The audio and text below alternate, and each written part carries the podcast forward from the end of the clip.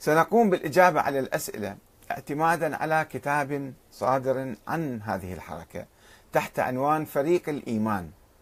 حوار في بيان حقيقة الدعوة اليمانية ومشروعها الإصلاحي جيش الغضب. هذا عنوان الكتاب. الصادر عن الهيئة العلمية لجيش الغضب في 17 رمضان 1437 يعني العام أول العام فهذا آه، هاي دعوتهم. وقبل مدة دخل علينا واحد من عندهم صار يناقشنا ثم طرح هذا الكتاب ودلنا عليه وموجود بالإنترنت وأنا نزلت كتاب وقرأته حرفيا من أوله إلى آخره وسجلت كثيرا من الملاحظات وأحاول اختصارها الآن في هذا المقال يعني. آه، اسم الحركة اليمانية، من وين جاء اسم اليمانية؟ حركة اليماني أو اليمانية. تأخذ الحركة اسمها بالنسبة إلى رجل يدعى أحمد الحسن البصري من البصرة هو. ادعى أنه اليماني الذي يرد في التراث الشيعي القديم ولا سيما في الأحاديث الواردة عن الإمام محمد بن علي الباقر اللي توفى سنة 114 للهجرة بأن اليماني يظهر قبيل ظهور الإمام المهدي ويمهد له.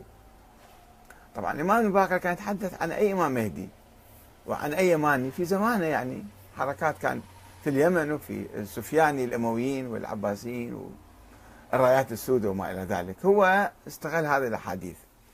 وقد ادعى أحمد الحسن أنه ابن الإمام المهدي محمد بن الحسن العسكري.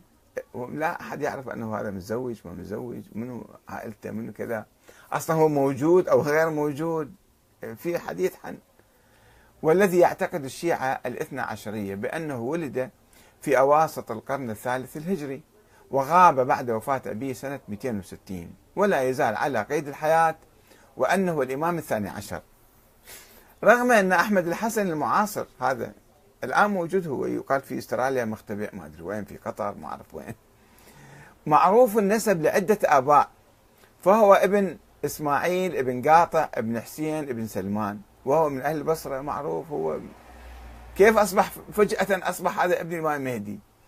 يعني عندنا الآن بعض القبائل تدعي النسب العلوي إلى موسى بن جعفر إلى الحسن إلى كذا أنه أصلا يعود إلى هذا لا فجأة قبيلته أيضا معروفة لا يدعون السيادية ولا الانتماء للعلويين. فجأة قال أنا ابن الإمام المهدي. وإذا سأل أحد كيف استطاع أحمد الحسن أن يثبت أنه متصل بالمهدي عن طريق النسب وما هو الدليل على ذلك؟ فإن جواب اليماني يأتي ليقول يثبته من خلال إثبات كونه وصيا وحجة. أول شيء يثبت أنه وصي وحجة فبعد لا تسألون عن النسب مسألة عادية تصير. فلا يجوز تكذيبه بعد ثبوت كونه وصيا عن دور.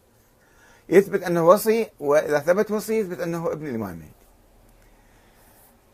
فلا يجوز تكذيبه بعد ثبوت كونه وصيا يصح تصديق دعواه لنفسه بكونه هو اليماني. وكذلك تصديق العلاقة النسبية بينه وبين الإمام واللقاء به كما يوجد في الكتاب صفحة 66 يثبت بالطريقة هذه. يعني لف دجل وضحك على الناس وخداع ما أعرف علما يعني السذج اللي يتبعوه وبعضهم يدعون المشيخة ولابسين عمائم والحوزة وكيف